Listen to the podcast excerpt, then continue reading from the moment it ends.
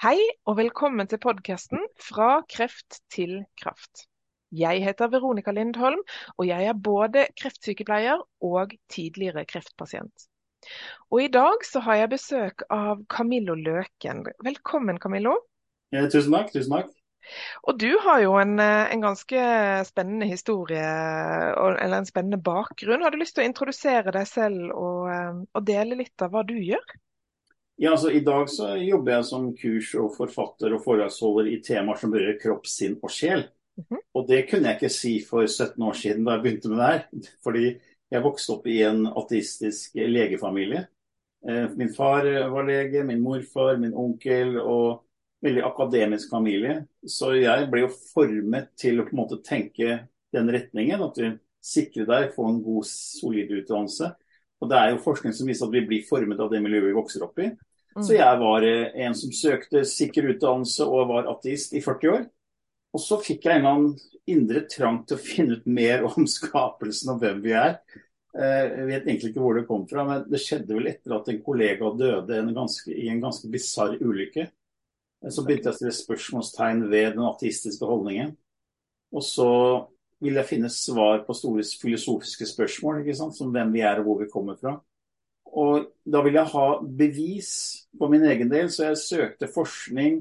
Gikk inn i kvantefysikken, søkte opp uh, leger, eller forskere som, som, på en måte går utenfor den konvensjonelle, tradisjonelle, konservative uh, vitenskapen. Og fant svar som fungerte for meg. Og så, Det ble liksom starten da på en slags en spirituelle reise. Mm. Så jeg, jeg oppdaget på en måte at det er så mye mer enn det vi bare ser og tar på. Mm. Eh, det ble veldig viktig for meg å finne ut enda mer om den verden, og det har jeg jo holdt på med da helt siden den gang. Så det, det, er, det er, en passion, en lidenskap å bare finne ut mer og mer og mer. og dele de jeg finner. Og så de som er interessert i det, og som er interessert i å lytte, de, de lytter. Og jeg sier ikke at jeg sitter på noe fasitsvar i det hele tatt. Jeg bare sier at jeg har funnet ting som fungerer for meg, og som har hjulpet meg i mitt liv. Og hvis det harmonerer med deg, så greit, ta det til deg. Hvis ikke, så er det også helt greit. Det er ingen som sitter på fasiten til noen som helst, tror jeg. da. Mm. Så man må finne ut av ting på egen hånd. Så man må lytte til de man føler gir deg noe. ikke sant? Og Derfor er det sånn, når jeg møter mennesker som er veldig bastante i sin, sin, sin oppdagelse av hvordan ting er, så blir jeg litt sånn skeptisk. For jeg tror det er viktig å ikke bare lukke seg i én retning, men ha et åpent sinn. Eh, er, for da stagnerer man ikke. Så fort man åpner sinnet til, så er man mottakelig til å ta inn ny informasjon. Man skal jo ikke svelge alt rått, men, men, det er sånn, hvis man stenger seg helt, så, så, vil man stoppe opp. Det er som å stå et lyskryss på rødt. Man får ikke noe fremdrift, man går ikke videre. Mm. Så livet mitt før og etter at jeg begynte med, med det jeg gjør nå, er jo veldig forskjellige. Er, hvordan ble dette mottatt uh, av, de, av, din familie og de rundt deg, når du har gjort en så radikal endring? da? Ja, det var, det var, De ble helt sjokkert. Altså, Jeg jobba i en, en, av verdens største legemiddelselskap. Tjente gode penger, hadde en karriere. ikke sant? Jeg, jeg klatra litt karrierestigen, kom, fikk litt høyere stillinger, mer bonus, mer frynsegode, hele pakka. Mm. Eh, og så bare hoppa jeg hele karusellen for å finne svaret på livets gåte. Jeg hadde jo egentlig en veldig enkel plan, å bare, bare lage en engelsk nettside og dele det jeg fant. Jeg hadde 100 tillit til universet og at alt vil legge seg til rette. Eh, og, og, da var det jo folk som eh, baksnakka meg og latterliggjorde meg, og min egen familie, slekt, mente jeg hadde mista alt. At jeg var totalt ko-ko. Mm. Eh, at jeg rett og slett måtte være gal som sa opp en sikker stilling i en av verdens største legemiddelselskap. Mm. Men det var så sterkt det som kom inni meg. Jeg kunne ikke stoppe det. Jeg måtte bare være tro mot meg selv. Eh, men det, jeg mista jo det jeg trodde var venner. Jeg mista kollegaer som, som baksnakka, som eh, latterliggjorde. Så jeg var veldig ensom i, i de første åra. Eh, mm. Jeg hadde jo alltid hatt kona mi Synnøve. Hun og jeg har gått den veien sammen, så vi har hatt støtte i hverandre. Og så møtte jeg etter hvert Lilly Bendris, og vi begynte å jobbe sammen. For hun kunne jo veldig mye om det spirituelle som jeg var veldig interessert i. Mm. Og hun hadde ikke så mye informasjon om forskningen bak det hun gjorde, og om det fins noe mer eh, som kan forklare at det er en bro mellom det fysiske og ikke-fysiske. Så vi, liksom, vi hjalp hverandre på en måte. Mm. utfylte hverandre. Mm. Og hun hadde jo sitt nettverk og sine mennesker som var veldig åpne for det jeg hadde begynt med. Så da fikk jeg jo nye venner, nye bekjente som gjorde at jeg kunne snakke helt fritt. Mm. Og det er veldig tøft å ha en sånn passion, lidenskap for det ikke-fysiske og, og, begrense seg selv når du er sammen med andre mennesker. For du vet ikke om de er åpne for det eller ikke. Så Mm. du går egentlig er veldig redd for at de skal på en måte riste på hodet og bare tenke at du er gal, så du holder det inni deg. Mm. Det gjør veldig vondt, for du har lyst til å snakke fritt om det. ikke sant? Ja, og vi er jo klokkdyr, Vi er jo avhengig av hverandre. Ja. Ja, ikke sant? Så det, det var en veldig tøff start i de første åra. Men nå har jeg holdt på så lenge, så nå, er, nå driter jeg hva folk, folk syns om meg. De Du får synes akkurat hva du vil. Jeg er trygg på det jeg tror på, og sånn er det bare. Men du sa jo selv at du, du ble oppfattet som litt ko-ko. Er det det som kanskje gjør at mange kanskje går og kjenner på mye, men ikke tør å Ja. nesten tenke tanken en gang selv? Ja, det, det er jeg ganske sikker på. fordi jeg har en podkast som heter Ånd og vitenskap, og jeg har også en annen som heter Åndelig påfyll, som jeg har med Kim Are Stende. Mm. Og Der har vi fått mange henvendelser, eh, hundrevis av henvendelser fra mennesker som sitter og lytter på rundt omkring i Norges land, som er helt alene. De har ikke en partner, de har ikke en venn, de har ikke en kollega. Det er ingen de kan snakke med. Og de tør ikke å åpne seg fordi de er redd for å bli, bli hengt ut og latterliggjort. Mm. Jeg forstår veldig godt den frykten, for du ser jo hva som skjer med kjente mennesker som står frem i Mm. media i Norge. De blir jo Mm. hengt ut over en lav sko. Mm. Så jeg forstår den frykten, da. Eh, Men jeg kunne ikke leve i den frykten, så jeg måtte bare ta mot til meg og bare si OK, hva andre mennesker syns om meg, betyr egentlig ingenting. Det viktigste er at jeg tør å være tro mot meg selv. Det er Mm. det jeg blir testa på nå. Og så bare gikk jeg ut fullt med det jeg tror på. Og, så, og jo mer jeg ga slipp på frykten for å bli hengt ut og latterliggjort, jo, jo mer forsvant det. da. Mm. Så, men det er klart det er en prosess. Du må modnes. Du må, du må, det er som å komme ut av skapet, som jeg sier. Du må en måte være klar. Du kan ikke bare gjøre det fordi andre sier du skal gjøre det. Du må føle at det er riktig at nå skal jeg stå fram. Mm. Ikke sant?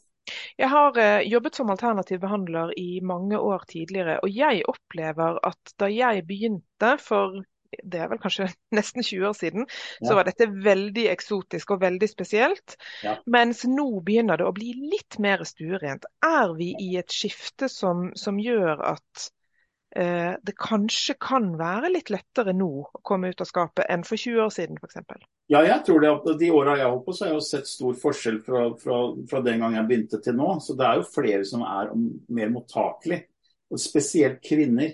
Jeg ser at de som lytter til podkastene våre, de som leser bøkene mine og de som er på kurs eh, når vi har disse kursene våre, det er 80 kvinner. Mm. Så Kvinner er mye mer åpne for, for at det er noe mer enn det vi kan se og ta på. Og de har jo en sterkere intuisjon veldig ofte. Mm. Eh, og de har på en måte den omsorgsfølelsen i seg. De er, de er flinke med mennesker, de, de er veldig sensitive for energier, mange. mange ikke sant?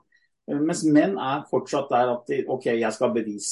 Eh, Mm. vis meg det, jeg skal se det. Og, hvis ikke det er bunnsolid, så tror jeg ikke noe på det. Mm.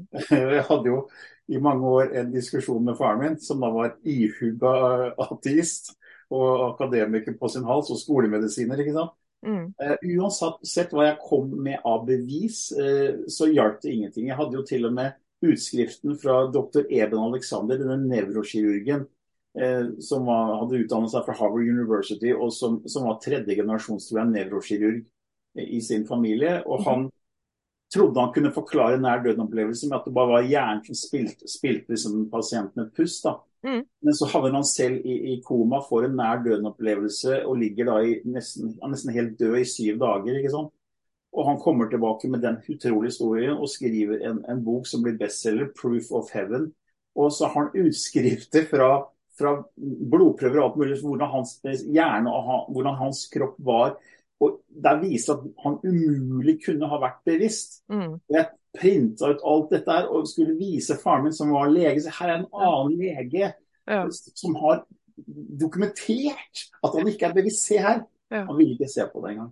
Nei, ikke sant. Eh, fordi han hadde sin på en måte sannhet, og Mm. den kunne ikke jeg rokke ved. Nei. Så, så jeg oppdaget etter hvert at eh, det handla ikke om han. Eh, det handla egentlig om meg, at jeg hadde behov for at min far skulle anerkjenne meg og Ja. forstå meg. Mm. Så det var min frykt for ikke å være likt og godtatt. Mm. Eh, Så når jeg forsto at jeg kan ikke løpe etter mennesker med bevis for å vise at jeg ikke er gal, Mm. det er da liksom alt endra seg. Da. Da, da Mm. tenkte jeg OK, det er ikke det jeg skal drive med. Jeg skal ikke overbevise andre. Jeg skal bare formidle, og så får de som er klare, lytte hvis de vil. Mm, mm. Og sånn har det blitt etterpå, da. Og det, det, kjenner jeg, jeg kjenner jo på akkurat det samme. Eh, samtidig så kjenner jeg på et behov for å snakke mer om dette her nå. Og det er spesielt etter at jeg selv var syk, hvor jeg kjenner på eh, et behov for å hjelpe andre. Fordi jeg ser at den eh, kunnskapen jeg har hatt om disse tingene gjennom min sykdom, faktisk har hjulpet meg veldig.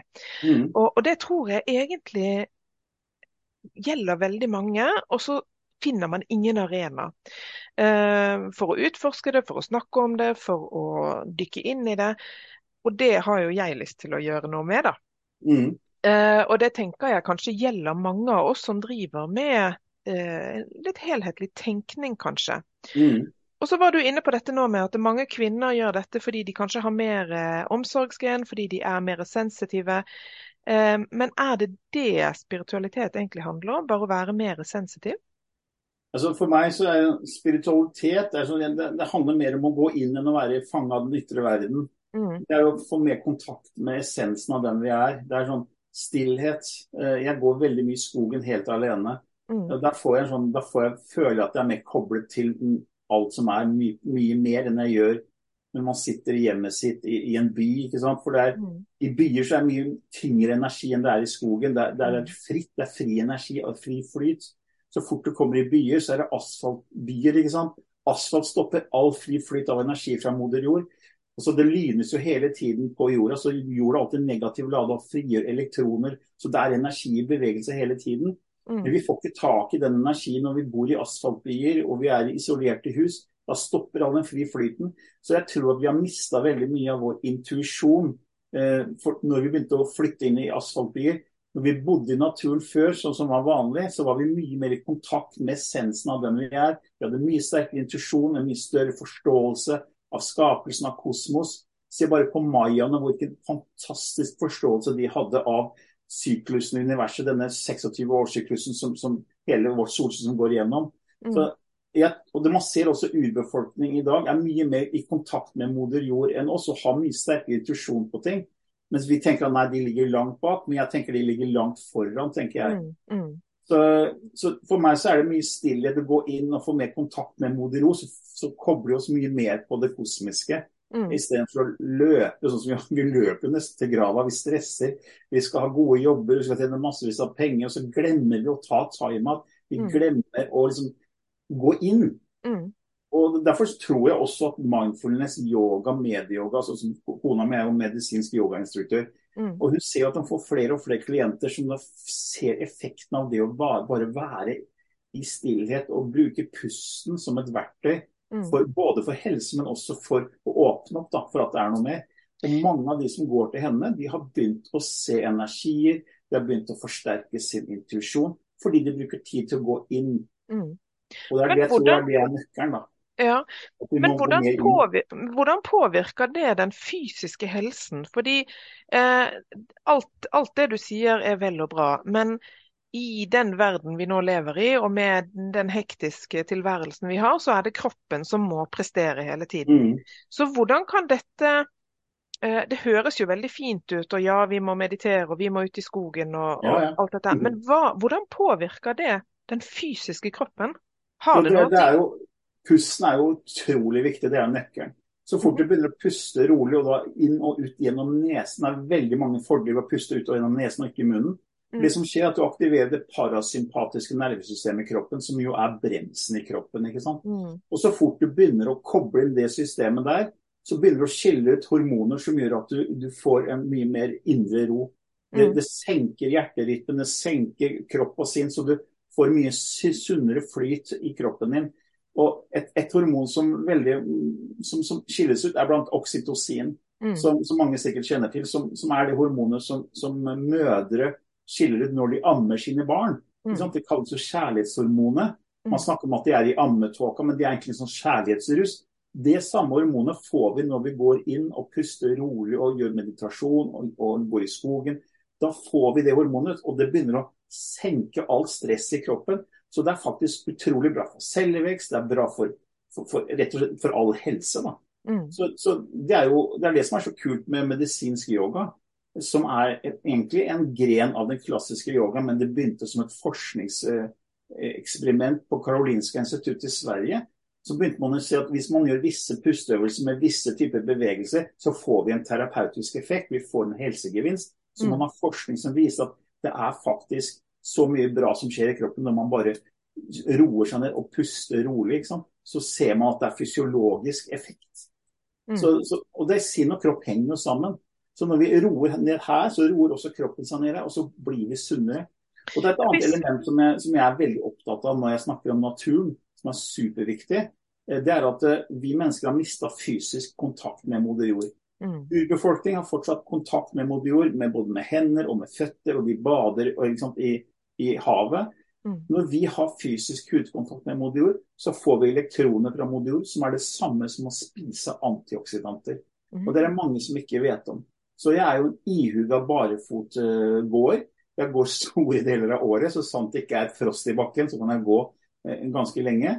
Eh, og Det er fordi jeg begynte å lese en bok om barfotgåing eh, og helsegevinstene av å faktisk få energi, altså elektroner fra modul, i 2012. Skrevet av en kardiolog som heter sin, dr. Sinatra, og en annen som heter Clint Hober, og en som heter Martin eh, jeg husker ikke siste mann. Men der har man faktisk dokumentasjon som viser at det er det samme som å spise antioksidanter. Man har, for, man har vist bilder fra hvordan blod som er tjukt, blir tynnere bare ved å gå barfot. Helt fantastisk. Helt fantastisk. Men så, ville det da også ha effekt å gå bar... Si du bor i byen da, og du er omgitt ja. asfalt. Vil det allikevel ha en effekt å gå barbeint på asfalten? Ingen effekt. Ingen effekt. Eh, og heller ikke med joggesko. Nei. Fordi både gummi, plast og asfalt stopper all fly flyt av, av elektroner fra moder jord. Og Hvis du ser dyr, hvis man går tur med dyr i byer, byer så vil de ikke gå på asfalten, de skal ut i grøfta. Ja. Ikke sant? Der, er energien her. Ja. Eh, så man må ut i skogen, på, eller har, har, du en hage, gå på gress. Eh, eller blomsterkasse, kanskje. Saltvann er fantastisk, fordi salt er så ledende. Mm. Det har ikke noe særlig effekt i ferskvann. Så det er saltvann som er greia, fordi du får elektroner fra modul, og så forplanter det seg videre via saltet. Eh, og det å gå på, på fjell, kjempefint. Eh, og det, det, som er interessant, er jo at han ene som, han kardiologen som skrev den boka, han hadde en sønn som ble veldig syk, og man fant ikke ut hva som var feilt han. Han tok den ut av sykehuset og dro på hytta og lot den ligge ute på gressplenen sin i tre uker og ble helt frisk, for han fikk så mye elektroner. Det er masse dokumentasjon på det, så jeg måtte bare nevne det. Det er utrolig viktig. Det har med helse å gjøre, da. Ja, og det er en utrolig viktig informasjon. Og Det som jeg syns er veldig trist, er at når denne informasjonen faktisk finnes, når dette er dokumentert, hvorfor kommer det ikke ut?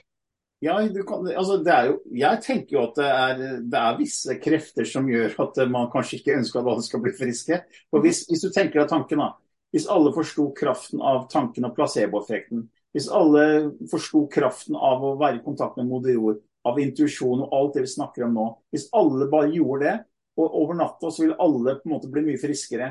Det er jo en helt kjempestor industri som ikke hadde livets rett lenger.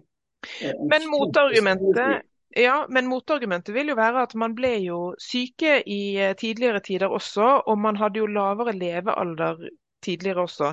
Så, ja. så på den måten så kan man jo argumentere mot det. Ja, det er sant. Altså, Skolemedisin skal man ikke bare kutte ut. Altså, skolemedisin har gjort utrolig mye viktig. og Jeg, mm. jeg jobba jo i legemiddelbransjen og lærte veldig mye om skolemedisin. Mm. Så det er klart det er my veldig mye bra med skolemedisin som redder liv. Det er ingen tvil om.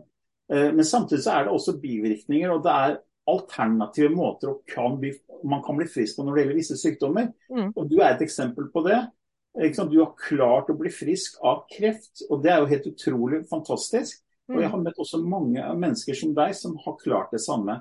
Mm. Fordi når jeg begynte å holde, reise rundt i Norge og holde kurs om det med tankens kraft, hjertets kraft, intuisjon, det å tro på at man kan faktisk endre fysiologien sin og, og, og alt det vi snakker om nå, mm. så møtte jeg flere mennesker som fortalte meg vet du hva Camillo, jeg fikk dødsdom av legene.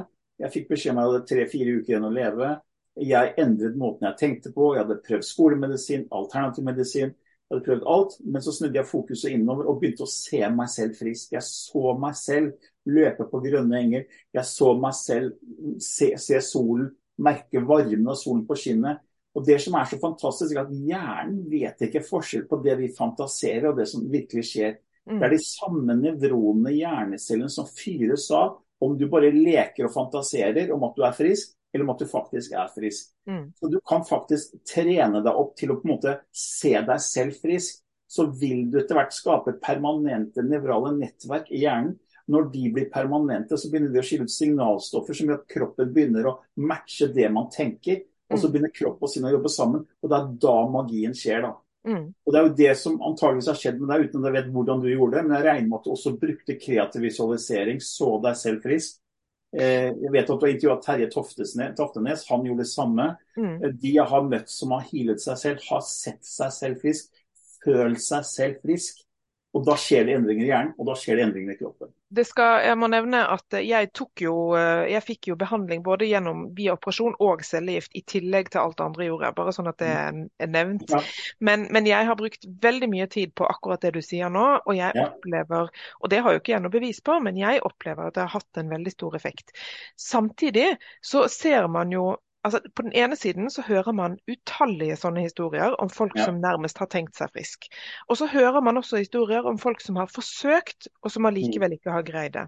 Og der vil jo igjen kritikerne si ja, men hallo, man tar jo livet av folk hvis man Ja. promoterer sånne teknikker. Jeg er helt enig, det her er et minefelt egentlig. Mm. Man må være veldig forsiktig med å på påstå at jo, bare gjør sånn, så blir du frisk. Ja. Fordi vi er forskjellig skrudd sammen. Mm. Det er ikke én fasit for alle, men det er verdt et forsøk. ikke sant? Mm. Mm. Og, og tenk, ja, men Jeg gjorde alt som jeg ble fortalt jeg skulle gjøre. Jeg leste den boka, jeg fulgte de, den oppskriften, og så er jeg fortsatt syk. ikke sant? Så Hva er grunnen til det? Altså, Mm. Hvem vet? ikke sant? Men Mm. jeg tenker også spirituelt. da. Jeg er jo helt der at jeg tror på sjelskontrakter, og at det er visse prøvelser vi skal igjennom som ikke vi kommer utenom. Mm. Og da, da, og da, da høres det jo veldig kaldt ut at noen da og ja, noen klarer å bli friske, mens andre ikke får lov å bli friske fordi de skal gjennom en prøvelse. Mm. Og Da blir man fort stemplet som, som en tulling som, som har sånne tanker. ikke sant? Nemlig. Fordi man, de skal ha det vitenskapelig dokumentert. Men det er jo veldig mye vitenskap dokument, dokumentasjon på det med placeboeffekten. ikke sant? Mm. Det er jo med i alle randomiserte studier i legemiddelbransjen når de skal lage nye medisiner og vaksiner, så må de ha med placeboeffekten. Og, det, og så lærer de nesten ikke noen ting om det på, eller på legestudiet. Eh, den gangen jeg jobba i legemiddelbransjen, så var det en halvtime av en syv års utdannelse hvor de snakket om placeboeffekten. Men Mm. placeboeffekten er jo helt fantastisk. Og professor Bruce Lipton, professor i biologi, han sier at han tror at det er, han sier at det er så mye som 33% som blir friske gjennom placeboeffekten. Men Mm. at det er store mørketall. Og han mener at det er dobbelt så mange egentlig. Uansett type behandling man får, om det er med legemiddel eller kirurgi til og med, så er Mm. placeboeffekten som er det mest dominerende grunnen til man blir frisk. Mm. Og det ser man, og, det og The Living Matrix, som var en dokumentar som kom på TV Norge i 2011, var det vel. Der viser man også hvordan folk som da var med i forskjellige studier og trodde de fikk ekte medisin, ble friske. Og når de da blir fortalt at de egentlig ikke hadde fått medisin, for det må man gjøre av etiske grunner. Fortelle etter når studien er ferdig at vet du hva, du fikk egentlig en narremedisin, så ble du syk igjen. Ja, helt utrolig. Du trodde de var friske, Ja. og så får du fortalt vet du hva, du fikk ikke ekte medisin, så, så da ble du syk igjen. ikke sant? Mm. Så, så det er veldig mye spennende forskning på det, men det er klart, det er ikke ett fasitsvar for alle. Jeg leste et sted også at man hadde gjort noen undersøkelser i forhold til operasjon. At man hadde operert si et kne, og så Ja. bare snittet i huden og lukket igjen. Og da ble pasienten frisk i kneet, Ja, selv om de ikke hadde gjort annet enn å snitte i huden. ja helt riktig. Jeg tror faktisk det var Livy Matrix. som Var, var, Ja, det kan godt hende. Ja, Ja, det kan godt hende. Jeg har også hørt det samme. Men, men det- dette, med, dette med placebo, men også nocebo, det er jo Ja. helt utrolig. Og allikevel så knyttes det, sånn som jeg erfarer det, kun opp til legemidler og, og det, skolemedisinen. Mm. Men hvis det er en så stor ehm, andel som blir friske av placebo, hvorfor snakkes det ikke? Altså, hvorfor kommer ikke dette ut som en del av dette med tankens kraft?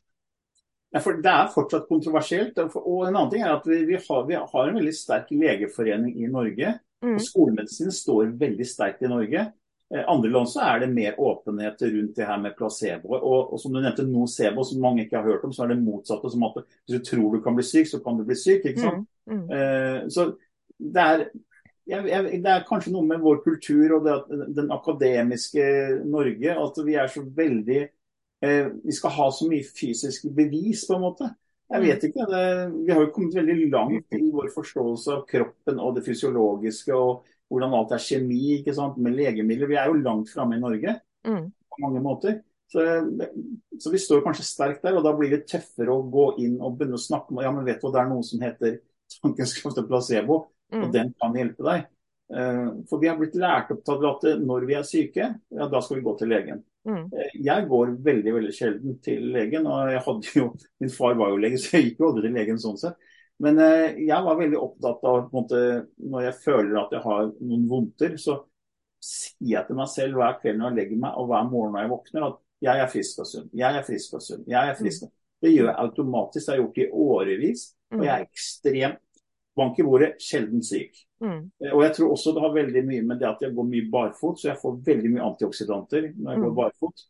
Og jeg er veldig bevisst på å spise antioksidanter. Jeg lager en egen te Mm -hmm. som, som, jeg kaller for yogate, som min kone og jeg begynte å, å lage når vi begynte med, med, med yogapraksis her i Fredrikstad. Hun har jo noe som heter Fredrikstad medisinske yogasenter. og Da hadde vi med yogate. Det er en 5000 år gammel oppskrift som er proppfull av antioksidanter. Eh, og Hvis du vil, så kan du sende deg oppskriften ja, med dine lyttere. Ja, veldig gjerne. Den består av så mange ingredienser som er Altså, Den består av kanel og ingefær og ikke minst nellikspiker, som er proppfull mm. av antioksidanter. Mm. Og Det er en professor i, i, Oslo som heter Blomberg, professor Rune Blomhoff, er vel, Rune Blomhoff, som har sjekket hundrevis av matvarer, hvor mye som er av antioksidanter i hver matvare. Og Han har da en skala fra 0 til 700, tror jeg det er. Og, og så hører man at man skal spise blåbær, ikke sant. Mm. Og på den skalaen så er blåbær på 8. Og mm. det er egentlig veldig høyt, for de aller fleste matvarer er ned på 1 og 2, ikke sant. Riktig. Men da har du kanel som er vel på 30, ingen, kanel er vel på 22, ingefær er på 30, nellikspiker på 465. Oi. Men det er ingen som wow. spiser nellikspiker, ikke sant. Nei. Eh, men å lage te på det, så gjør at da blir den teen proppfull av antioksidanter. Så nå før det møtet er med deg nå, så har jeg vært ute i hagen min barfot og drukket en kopp med antioksidantte. Fantastisk. Du, ja. dette må vi dele videre, og jeg skal ned og kjøpe nellikspiker. Jeg skjønner det. Gammelt kjerringråd det var jo at hvis man hadde tannpine, så skulle man ta nellikspiker og legge der man hadde vondt. Ja. Og Det var en gammel kjerring. og det er ikke så rart, for den er proppfull av antioksidanter som begynner å jobbe med betennelser i kroppen. ikke sant? Og, og bruker, og eteriske oljer, da sier man også at nellikspikeren er spesielt god for uh, problemer i munnen. Så det, ja. det, er helt riktig når du sier det. Ja, men uh, fantastisk tips. Det må vi prøve å få lagt ut. Det er uh, nydelig. Um, men, men, alt dette her sammenlagt, det, det, er det veldig få som vet om. Og de fleste vanlige mennesker jeg snakker med i gåseøyne, de vet ingenting om dette her. Og så har man begynt å, å få inn f.eks. yoga er blitt mer stuerent. Um, det, det, er mange ting som langsomt kommer. Fotsoneterapi er blitt litt mer stuerent. Men, men, det er mange ting som fortsatt ikke er akseptabelt. Men gjelder dette i Norge? Er resten av verden like lukket for disse tingene? Nei, jeg, tror, jeg, tror, altså, jeg vet at sånn som, som, USA, der er det mye lenger fremme på det spirituelle. Mm. Uh, jeg tror Norge og en del andre land i Norge som, som ligner på Norge, er, ligger litt bak for å åpne opp. fordi man er så redd for å bli latterliggjort. Det, det, er veldig, det er veldig sterkt da, i et lite land som Norge, hvor liksom, hvis du blir hengt ut i, et, mm. i miljøet ditt, mm. og i tillegg du er litt kjent, så kommer du også i media. Og, det er, og, det er, og derfor tør man ikke. fordi at pressen har jo så mye makt. Mm. Så Hvis man da følger med på nyheter og ser på, på tabloidaviser og alt mulig, så ser man at folk blir hengt ut som på en måte har turt å gå ut av det A4-livet og si at det er noe mer, eller de har sett ting eller opplevd ting. Så blir man stemplet med en gang, istedenfor å få, få til en diskusjon og få flere parter. Men selv da så er jo på en måte nesten debatten er på en måte forhåndsbestemt. At mm. måte, det, det, gamle systemet skal vinne. For jeg ser mm. på det er på en måte litt gammel energi og ny energi som er i en slags konflikt. Mm. De som tør å åpne opp for, for, nye tanker, de må på en måte kjempe med gamle tanker. Og så Det er de som tviholder på det gamle, at mm. nei, det er kun det vi ser og tar på som er, som er rett og riktig. Så viser historien oss gang på gang at det beste vi kan gjøre, er å åpne sinnet for ny informasjon og tørre å tenke utafor boksen. Mm. Og det som ofte skjer, er at Når flere gjør det, så plutselig så blir det et skifte, et paradigmeskifte. Man mm. går fra en gammel, etablert sannhet, og så utvider den sannhetsboksen seg til å inkludere mer. Og Det er jo det som er i ferd med å skje når flere og flere oppdager og gjennom egen erfaring effekten av mindfulness, av yoga, av medisinsk yoga. Og, og det her med å gå inn og meditere. ikke sant? Mm. Man ser egeneffekten av. Det er så mange som går til min kone som har blitt så mye friske, som har kroniske smerter, som har blitt gitt opp av legene sine, mm. og som har gått på tabletter som kan kutte det ut og bli friske. Og da, klart, når du får den egenerfaringen, så sprer du det til de du stoler på. ikke sant? Mm, så ser man, ok, så, så, begynner det å bli en ringvirkning. Mm. Så jeg ser jo det at det er flere som nå får effekt av å tenke litt sånn som du og jeg gjør. da, og mm. Gjøre de tingene vi gjør. Og jeg, jeg, vet ikke hvor mange jeg har spredt der med yogi-te og barfotinformasjon til. Ganske mange de 17 årene jeg har holdt på. Og de sender og sier at de har blitt friskere og takker meg fordi at de oppdaga dette her da. At mm. de fikk informasjon om dette her.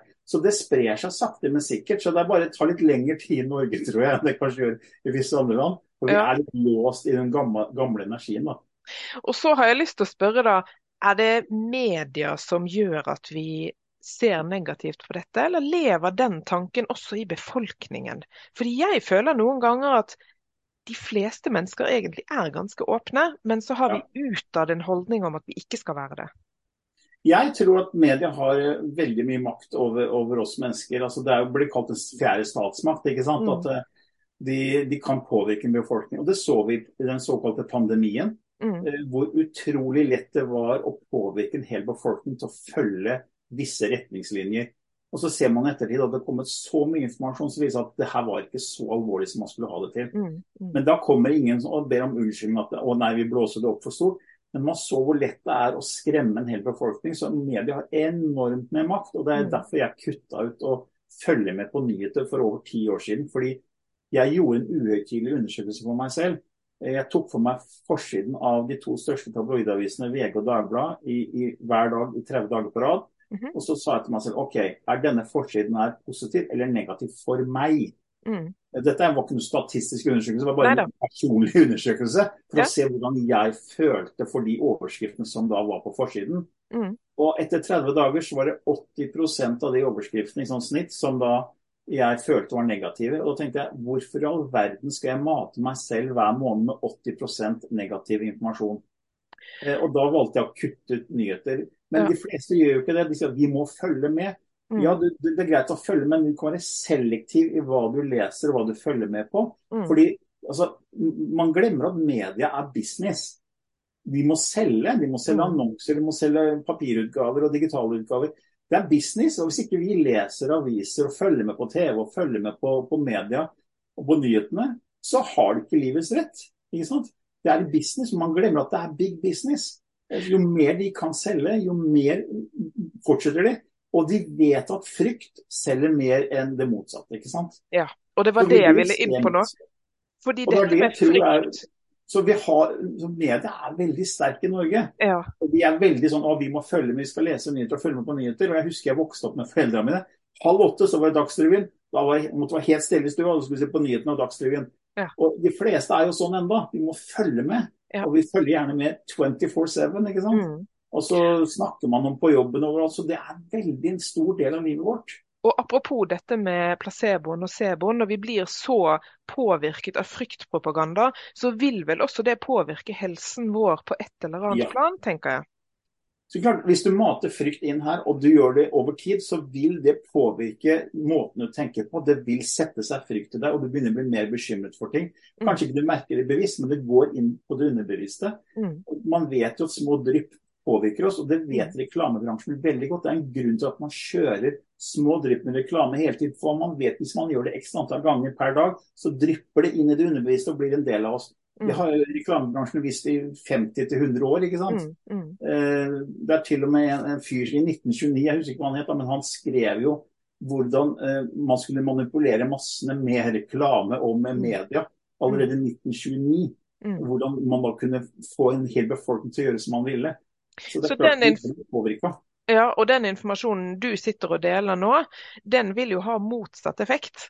Ja. Potensielt. Potensielt. Ja, og da, hvis, jeg da, hvis, jeg hadde gått ut veldig sterk med det her eh, så, i, alle kanaler jeg klarte, så ville jeg blitt motarbeida veldig. og Da, ble, mm. da ville jeg blitt hengt ut, da ville jeg blitt latterliggjort. og jeg ville så jeg, jeg, går ikke og liksom lager en debatt med det med pressen og media, folk får finne ut det selv. Men jeg sier at vær selektiv i hva du La det gå inn her. Mm. Det er sånn, Stå så vakt ved porten til ditt sinn, som Tony Robins snakker om. Mm. Fordi det, det du mater inn her, det vil ende opp å være en del av deg. ikke sant? Mm. Hvis du bare ser på nyheter 24-7, så vil det være såpass mye negativt i de nyhetene, for det er det som selger, og da vil det påvirke deg. Mm. Jeg husker min mor, når hun ble, ble enke, så satt hun og så på denne 24 timers nyhetskanalen på TV hele tiden. Ja. Når jeg besøkte henne, så fikk jeg greie på den minste ting som hadde skjedd i verden som var negativ. Mm. Nå skal du høre her, nå har det skjedd noe nede i Bangladesh, nå har det skjedd noe der. Der fikk jeg all mat. altså. Men jeg vil helst ikke høre det. Mm. Jo da, du skal høre her. Mm. Så, men hun mater jo selv med så mye frykt, og hun ble påvirka negativt. Både i måten hun tenkte på, men også helsa hennes. Så hun ble bare sykere og sykere jo mer hun satt der og så på disse nyhetene. Altså. Mm. Og det har jeg sett også i, i min egen eh, familie med min bestemor, som også satt og gråt over nyhetene hver dag på de siste årene hun levde. Ja. Og, og det var jo veldig vondt å se på hvordan hun egentlig fòret seg selv med smerte. Mm. Og så er jo argumentet ja, men vi har et ansvar for å forstå hva som skjer i verden, sånn at vi kan gjøre noe med det. Ja, Det er alltid argumentet. men det, Jeg har jo kutta ut nyheter, men uansett, hvis det er noe viktig, så får du på en måte greie på det uansett. Det Ja. vil nå deg. Ja. Jeg har den tilliten da, til at det Mm. skjer. Så Mm. hvis det er noe jeg må vite, så vil det nå meg på en eller annen måte. mm, Og vi klarte oss veldig bra før i tiden også, før vi hadde media. Før vi hadde internett, før vi hadde TV. Folk klarte å leve da. Vi, å, vi trengte ikke å vite om alt som skjedde i ulike deler i verden. ikke sant? Nei. Det er klart at det skjer det en naturkatastrofe i et land, og så vi kan hjelpe til med det. Ja, Greit, det er fint det. mm, Men det, det beste vi kan gjøre, som jeg tror, det er faktisk at vi går inn i oss selv og uh, har fred med oss selv. For det som skjer da, er at den, når du har fred med deg selv, så skaper du faktisk et veldig positivt energifelt rundt deg. Det er forskning som viser at det vi tenker og føler, skaper elektromagnetiske felt som per i dag kan måles opp til ni meter utenfor kroppen. mm, Før var det snakk om bare én til to meter. Det er bare noen år siden de må- målte til én til to meter. Nå er det opp til ni meter. Men de mener at det går mye mye lenger ut enn ni Mm. meter, men de har ikke måleinstrumenter. Så når du da har en veldig sånn fred i deg, og du har kjærlighet i deg, så er det en veldig positiv energi som går ut, og det påvirker det kollektive. Det er forskning som viser at vår individuelle bevissthet påvirker kollektiv bevissthet. Så hvis flere mater ut det positive, så vil det påvirke en hel befolkning. ikke sant? mm, Det er mm, massevis av studier på det, fra bl.a. Marishi Mahesh University, hvor professor John Haglin er president. De har gjort store studier. Vi hadde The Washington Peace Project, som var vel i 1993, hvor de hadde 4000 mennesker som satt og mediterte og sendte ut lys og varme mm, gjennom transcendental meditasjon. Mhm. Og det de så, var at de klarte å redusere kriminaliteten i Washington med 23,8% etter fire uker. Helt Og utrolig. de hadde luka ut alt som var av andre parametere. Og han, eh, han som var politimester, han på leseieren når de skulle lage, når det gikk ut med at de skulle klare i hvert fall 20% i forkant. Og så, når det var ferdig, så sa han det her er helt utrolig. Det eneste som kan skape så stor reduksjon i kriminalitet, det er to meter med snø, liksom. Ja. Ikke sant? Så, så Det var ett studie, et signifikant studie som, som Mm. viser at når mange mennesker kommer sammen og sender ut lys og kjærlighet, så vil det faktisk påvirke en hel befolkning. Mm, Og det er det jeg tror, så når, når flere da gir slipp på den frykten og, og det som på en måte påvirker oss negativt, så vil det skape mer, mer positive ringvirkninger. mm, Og jeg tror jeg er mer og mer på vei dit. at Flere og flere forstår viktigheten av det å liksom gi slipp på den fryktbiten. For det er, den, Mm. det er frykten i oss, hver og en av oss, som, som skaper det negative. Ja, for det må jo gå motsatt vei også i forhold til hva vi sender ut. Hvis vi er fylt av angst og frykt, så, så sendes vel det også en del eh, meter ut i eteren. Absolutt. Mm, Og det, det er akkurat det som er poenget. at Det vi er fylt med, det er det som på en måte går ut. mm, Og det som sendes ut, kommer tilbake som en bumerang. Det er jo det er på en måte Alt går i sykluser. Det du Mm. sender ut av energi, kommer tilbake. Og Nassim Aramein, som har forska på Han har jo forsket på, han har vært inne på gjort et svært eh, studie som kalles eh, The Quantum Gravity and the Holographic Mass fra jeg tror det var 2013. Mhm. Han viser at universet er et selvorganiserende system. mm, det vi sender ut, kommer tilbake. Det er synkronisitet. Det er veldig spennende forskning som er vitenskapelig dokumentert signifikant. Men den blir jo ikke anerkjent fordi på en måte de som holder seg til den konservative fysikken, den gamle fysikken, eller Newton-fysikken som mange kaller det, de vil jo kalle han for kontroversiell. ikke sant? Mm, mm. Det, er liksom, det er utenfor den rammen som de jobber i, så det passer ikke inn. Men han har jo data som viser at det vi sender, kommer tilbake. ikke sant? Mm, at mm. universet er et selvorganisert system. Mm. Og det her blir veldig speisa for folk flest. Men hvis du begynner å se på ditt eget liv, og det du har tenkt og følt, og så begynner du å se hva som har skjedd i livet ditt i etterkant av det, mm. så du begynne å se en rød tråd. Mm. Eh, det gjorde jeg. Jeg begynte å gjøre det for meg selv. Jeg begynte å kartlegge måten jeg tenkte og følte på, og hva som kom inn i livet. Så begynte jeg å se en sammenheng. Og så tenkte jeg OK, da gjør mitt beste for å gi slipp på frykt, og prøve å tenke at eh, OK, det beste jeg kan gjøre, er å gi slipp på frykten. Og på tenke at ting legger seg til rette, ting går bra. Og jo mer jeg klarer å gjøre det, jo mer flyter livet. Mm. Og det er vel egentlig min erfaring òg. Og, og jeg, underlig nok så har jeg hatt mye mer frykt i meg før jeg ble syk, enn etter. Uh, og vendepunktet kom for meg faktisk da jeg fikk tilbake, eller tilsynelatende fikk tilbake, tilbakefall. Det var ikke det, men, men, jeg trodde det var det. Og da var det som om alt snudde. Mm. Og frykten ble borte. Og det, det ja, det er helt utrolig. Eh, og jeg tenker at i dag så lever veldig mange mennesker med mye frykt. Og jeg tenker at det kan ha en sammenheng med det stresset vi også lever i. Vi, mm. er, vi, får aldri tid til å tenke ordentlig etter. Vi får aldri tid til å sette oss ordentlig inn i dette. Og du sier at dette høres spacet ut for de fleste mennesker. Ja. Men så tenker jeg ja, hvis de kun hører deg si det, men hvis de hadde lest mye, og forstått hvor mye informasjon som faktisk finnes ja. der ute, da er det kanskje ikke så spacet likevel, For det er mye. Det er veldig mye, og det er anerkjente, dyktige forskere som står frem og tror på det her. Men klart, de blir jo på en måte hengt ut av eh, de, de forskerne som ikke er der. da. Og mm. de er jo fortsatt i flertall. Mm. Eh, så, men de er pionerer, de, de, pløyer ny mark. Og jeg heier på de, fordi jeg, mm. jeg vet at det vil gjøre verden bedre. Mm. Det vil hjelpe mennesker når vi begynner å ta det her innover oss.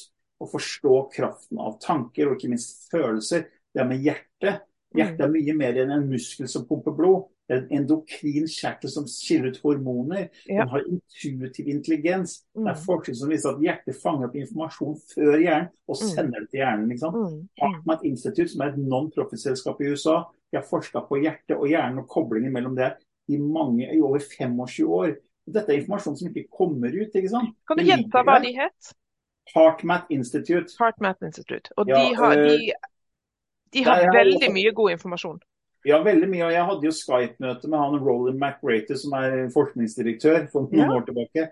Eh, de gjør fantastisk arbeid. og Nå har de et svært studie hvor de ser hvordan trær snakker sammen. Mm -hmm. Hvordan vi mennesker påvirkes av det, det, globale energifeltet til jorda. At jorda har et elektromagnetisk felt rundt seg. ikke sant? Mm. Og Vi mennesker har også et elektromagnetisk felt rundt oss. Så vi kommuniserer med det feltet. Så det er informasjon som utvikles mellom mennesker og moder jord hele tiden. Mm veldig spennende forskning mm. som ikke kommer ut, for det er fortsatt kontroversielt for, for de fleste. ikke sant? Ja, ja. Men de som er interessert, vil finne det. Ja. Jeg fant det, mange finner det, og jeg mm. deler det så mye jeg kan. Og så bare Gå inn, sjekk. Det er så solid forskning. og er, det, er det. Det, er det, er så spennende. fordi Hvis vi tar det her innover oss, så vil faktisk verden bli et bedre og bedre sted ikke sant? For, for alle. Mm. Og kanskje et friskere sted. For vi er mye syke. ja. Men det her henger sammen. Jo mer du klarer å finne indre ro og fred, jo mer pøser ut positive hormoner. Du aktiverer det parasympatiske næringssystemet. Det gjør at du begynner å tenke mer positive tanker. Så da, da bare fortsetter den gode. ikke sant? Det gode bare fortsetter mer og mer. Og dermed skiller ut mer oksytocin, som du var inne på, kanskje? Ja. ja. Og det, Man vet jo at man endrer jo genuttrykk hvis man endrer, endrer nevrale nettverk. Altså Hvis ja. man tenker nye tanker som er positive, så vil det gjøre en genendring. Ja. Altså Man har jo det som heter epigenetikk. ikke sant? Mm, mm. Epi betyr over, over genetikken. Det er forskjell på i mange år. Man mm. vet at vi kan endre genuttrykk ved å endre tanker. Det, så det er mye forskning, men det, det, det, må komme mer ut. Og så må man tørre å lete etter det, tenker jeg. Fordi ja. veldig mange skyver det bare bort som, som tullball. og det tror jeg ja, også holder på oss Vi er forutinntatt, og jeg var forutinntatt i 40 år fordi jeg jeg vokste opp i et miljø hvor, hvor jeg skulle være ateist. Eh, det skulle, mm. være fys det skulle være fysiske bevis. ikke sant? Så jeg lærte bare at ok, sånn er verden, er tilfeldig. Eh, det skjer ikke noe mer etter at vi dør, vi er borte for evig og alltid. Så jeg bare godtok det. For det fikk jeg høre av mine foreldre, og de så jeg opp til. Og det var andre rundt de som sa det samme. Men jeg brukte ikke ett minutt av livet mitt for å sjekke ut om det var sant eller ikke for meg. Nemlig. Det er, først når jeg runda rundt 40 år at jeg begynte å sette spørsmålstegn ved det, og så oppdaga en helt ny verden Mm. som ikke jeg visste var der. Og når jeg ser tilbake på Camillo den gangen og Camillo nå, så er det jo natt og dag. Mm. Jeg var helt låst i min ramme av sannhet. Og Hvis noen fortalte meg at det var noe mer, så ville jeg bare si nei, det er bare tull det du sier. For Mm. jeg sitter på min sannhet, og er, du kan ikke bevise det. Det er, det er feil. Mm. Og Det er det jeg ser mange fortsatt gjør. De bare argumenterer med å si at det er feil, men de har ikke brukt et eneste minutt av sitt liv til å sette seg inn i det de dømmer. Mm. Det er det som er så fort gjort å gjøre, fordi man har massene på sin side. Det Blir massene og media sier det er sånn, og da kan man bare kaste ut ja, men det er bare tull det du sier, for du, det, det her stemmer ikke, liksom. Fordi massene sier og media sier at det er sånn. Mm. Men de har ikke brukt tid på å sette seg inn i det. Jeg har brukt noen 17, snart 18 år av livet mitt på det her. og så jeg lover deg, det er, det er mye der ute som Ja. viser at det er mye, mye mer enn vi aner. ikke sant? Og jeg har gjort det samme, og, og tenker nøyaktig det samme som deg. De som argumenterer mot at dette bare er tull, ja, de har ikke brukt ett eneste minutt på å sette seg inn i det. Og, Og er synes levende bevis. Ja, og jeg syns det er et, eh, et, et godt eksempel. Vi var i Spania for en stund tilbake, og så sa min datter, eh, for hun så et bilde av Jesus utenfor et eh, hus, og så sier hun Oi, mamma, det har jeg aldri sett at noen har hengt et Jesusbilde på huset sitt. Og så sier jeg ja, men du vet det, Bettina, at de fleste mennesker i verden de tror på noe, om det er Jesus eller Buddha eller Mohammed, men de tror. Det er i lille Norge at vi nesten ikke har noen tro i det hele tatt. Mm. Så det var veldig sånn, det satte det litt sånn i perspektiv at ja, de fleste i verden forstår mye av dette. Men Ja. uh, vi har en vei å gå i Vesten.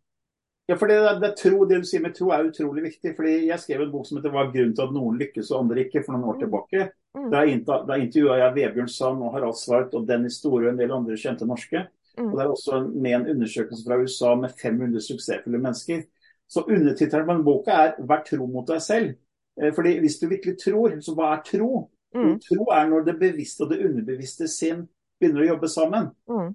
Og så tenkte jeg ok, hvordan kan jeg forklare det med bokstavene TRO? Jo, det er tanker repetert og forankret over tid. Ah, Så for meg så, så, så, bare slo det meg, gikk i skolen så tenkte jeg, ok, hvordan kan jeg forklare tro med bokstavene TRO? Jo, Mm. tanker repetert og forankret over tid. mm. Og det er det som skjer når du bruker kreativ visualisering og ser deg selv frisk. Jo, det er tanker, du repeterer dem, og du Mm. gjør over tid. Mm. Og til slutt så blir det permanent, og det er da endringen skjer.